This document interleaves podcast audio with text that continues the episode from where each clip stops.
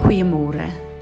Dit is my so lekker om te luister na die voeltjies wat wakker word en die lig wat besig is om die donker te onderskei en te besef dat die God wat ons dien, hou alles in sy hande en tyd is in sy hande. En elke nuwe dag wat aanbreek, breek is 'n nuwe geleentheid vol soveel dinge wat ons mee gekonfronteer gaan word en dan kan ons kyk na hierdie dag en weet maak nie saak wat wag nie. Hy is reeds in elke sekonde van hierdie dag. Hy het vir ons voorsiening gemaak vir alles wat ons nodig het. Wat 'n wonderlike plek van sekuriteit is dit net nie wat ons in ons God het nie. Ons het nou 'n uh, tyd spandeer met die gebed wat Jesus sy disippels geleer het en in diepte 'n bietjie gekyk na wat hy vir ons daar geleer het en wat is hierdie kragtige plek wat ons het met hierdie gawe van gebed wat ons daagliks kan gebruik. En soos Paulus vir ons sê uh, bid gedurig deur wat beteken selfs al het ek en jy 'n tyd om met Vader te spandeer in 'n um, ehm, spesiale tyd in die woord en in gebed het ons ook deur die dag 'n geleentheid waar ons met vrymoedigheid voor sy troon kan staan, waar ons letterlik gedurig deur kan bid. As jy ry om jou inkopies te gaan doen, die tyd te gebruik en te sê Here, wat 'n voorreg is dit net nie dat ek 'n voertuig het, dat ek geld het om kos te kan koop. Wat 'n voorreg is dit net nie om te lewe met die wete dat U voorsien vir my alles wat ek nodig het, gees, siel en liggaam. En soos wat die gebeurtenisse deur die dag goed en sleg oor ons lewe kom, dat ons dadelik hom kan intrek, dadelik hom kan raadpleeg, dat ons sy wysheid tot ons beskikking het 24 uur 'n dag. Wat 'n voorreg is dit net nie.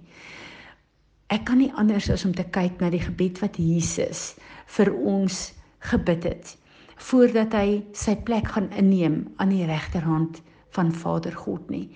En wanneer ek hierdie gebed lees, elke keer dan voel ek so 'n nederige afhanklikheid van hom. Die wete dat die God wat alles geskep het, sy seun gestuur het wat nou my Heer en my meester is wat my kom verbind het aan hulle en dat hy die prys betaal het in elke detail wat ek nog nie eers as mens hier verstaan nie maar wat ons op hierdie wonderlike tog soos hy ons voetstappe rig soos wat ons ons verdiep in ons verhouding met hom wat dat hy homself aan ons openbaar en dat ons al meer en meer leer wat beteken dit wat hy vir ons kom doen het? Maar ek wil gaan na Johannes 17 toe en ek wil hierdie gebed vir ons kom lees en waarskynlik sal ons 'n paar sessies daaroor hê want dit is so 'n diepte. Maar ek wil hê ons moet kyk na wat Jesus gesê het. Johannes 17 ek lees uit die amplified uit uh, vers 1 when Jesus had spoken these things he raised his eyes to heaven in prayer and said Wat het in die vorige hoofstuk gebeur? Jesus het vir hulle gesê, ons kom aan die einde van die tyd en hy gaan hemel toe en maar daar gaan 'n tyd wees wat ons hom ook gaan volg. So hy het letterlik hierdie lering vir die disippels gegee. En toe kom hy en hy bid en hy sê, "Vader, the hour has come. Glorify your son so that your son may be glorified. So that your son may glorify you, just as you have given him power and authority over all mankind. Now glorify him so that he may give eternal life to all whom you have given him to be his permanently and forever. Now, this is eternal life that they may know you, the only true, supreme, and sovereign God, in the same manner know Jesus as the Christ whom you have sent.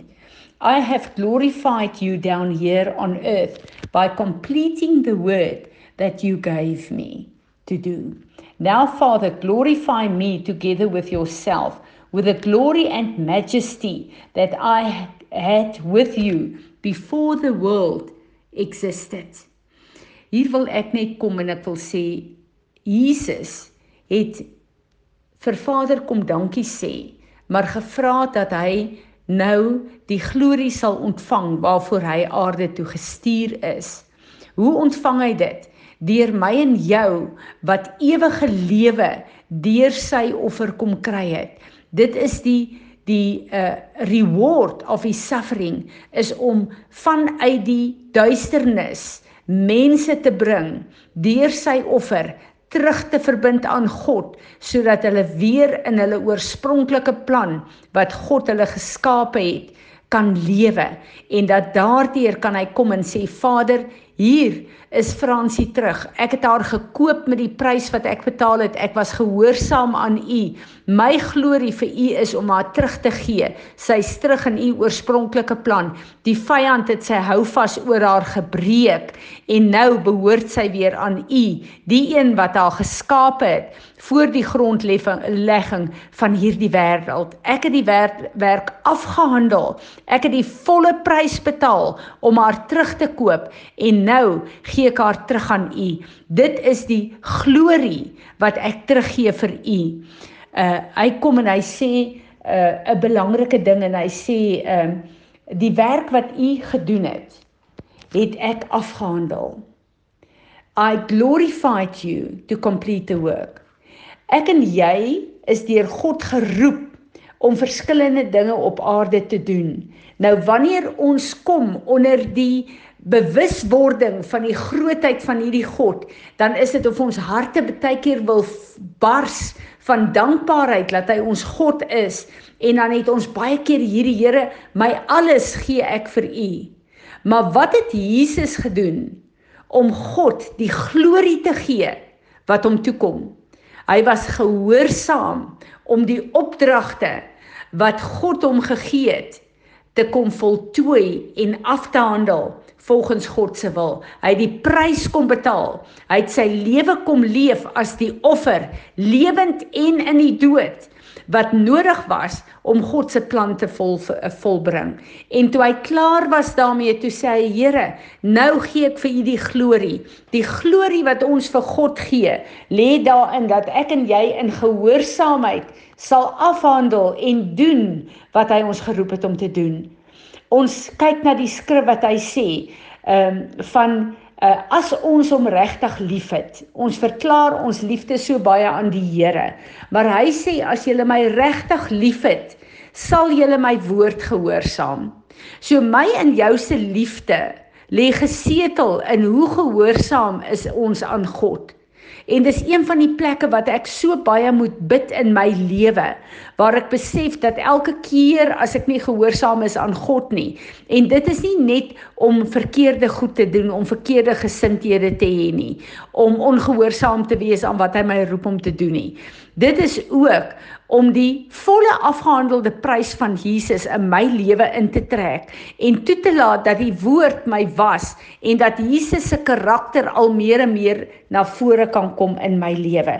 Dit is die plekke waar my liefde vir God nie in vervulling en in maturity is nie en ek bid nog steeds ek bid vir my ek bid vir julle dat die Here vir ons 'n openbaring sal gee dat ons liefde moet groei vir God deur ons gehoorsaamheid aan sy woord. Nie net om die woord na te kom nie, maar aan sy woord vir my lewe wat in vervulling moet kom in die opdragte wat hy my gegee het wat afgehandel moet word en dan sal hy die glorie kry daarvoor. Wat 'n groot groot verantwoordelikheid het ek en jy net nie. Maar die oomblik as ons werk afgehandel is, dan gee ons die eer en die glorie in die majesteit uh, wat ons hom insien, dan kom ons en ons aanbid hom daarin. Hy kom ook en hy sê I have manifested your name, revealed your very self, your real self to the people whom you have given me out of the world. They were you yours and you gave them to me. They have kept and obey your word.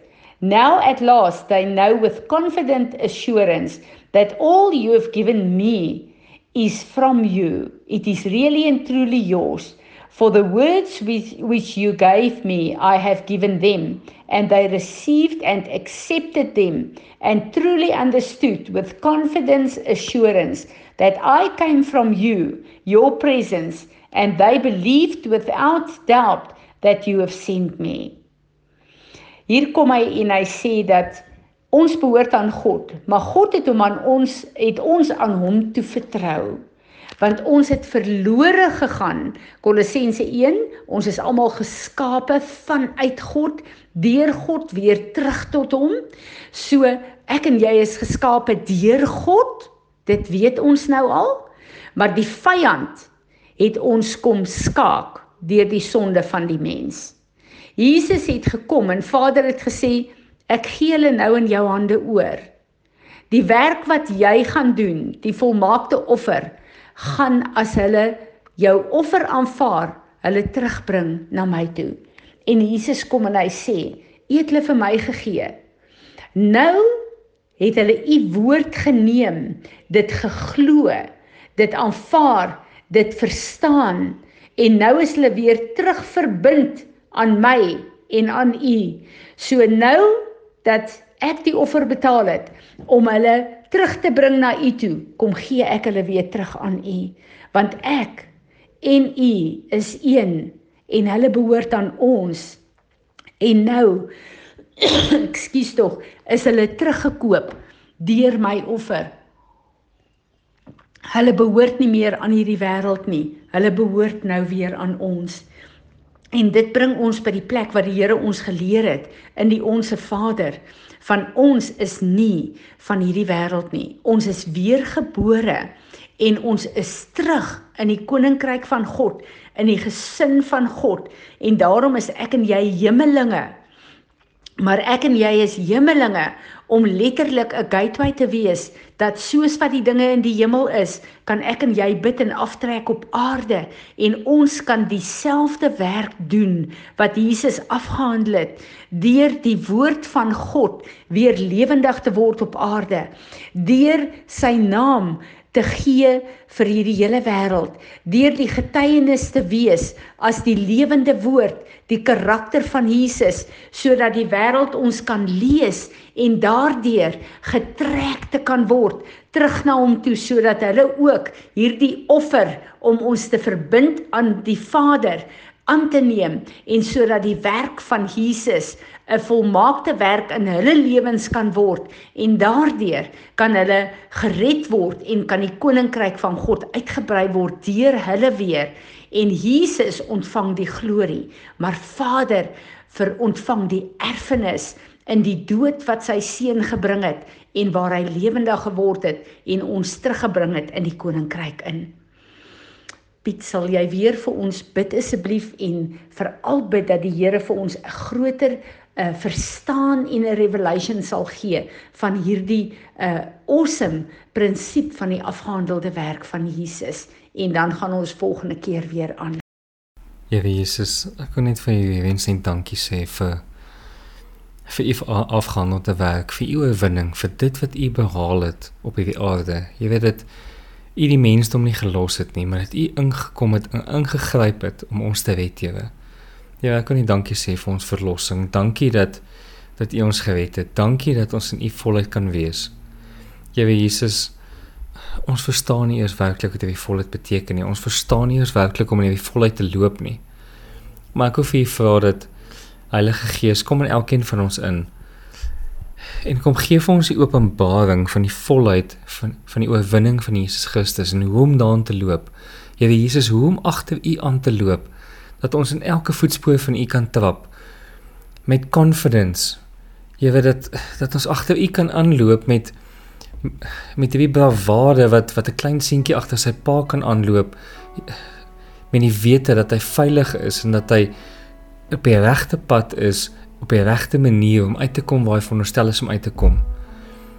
Jy weet Jesus het elkeen van ons se paai uitgesit. Het elkeen van ons beplan op hierdie aarde wat ons veronderstel is om te doen. Heilige Gees, kom in elkeen van ons in en kom help ons om in die volheid van Jesus Christus te loop. Here Jesus, ek kan myself nie vertrou nie, maar ek kan Jesus Christus binne in my vertrou. Heilige Gees, ek kan U vertrou binne in my, net soos wat Vader U kon vertrou het kan ek U vertrou binne in my om uit te loop die werk wat Jesus het op die kruis van Golgotha. Dankie daarvoor, Here. Amen.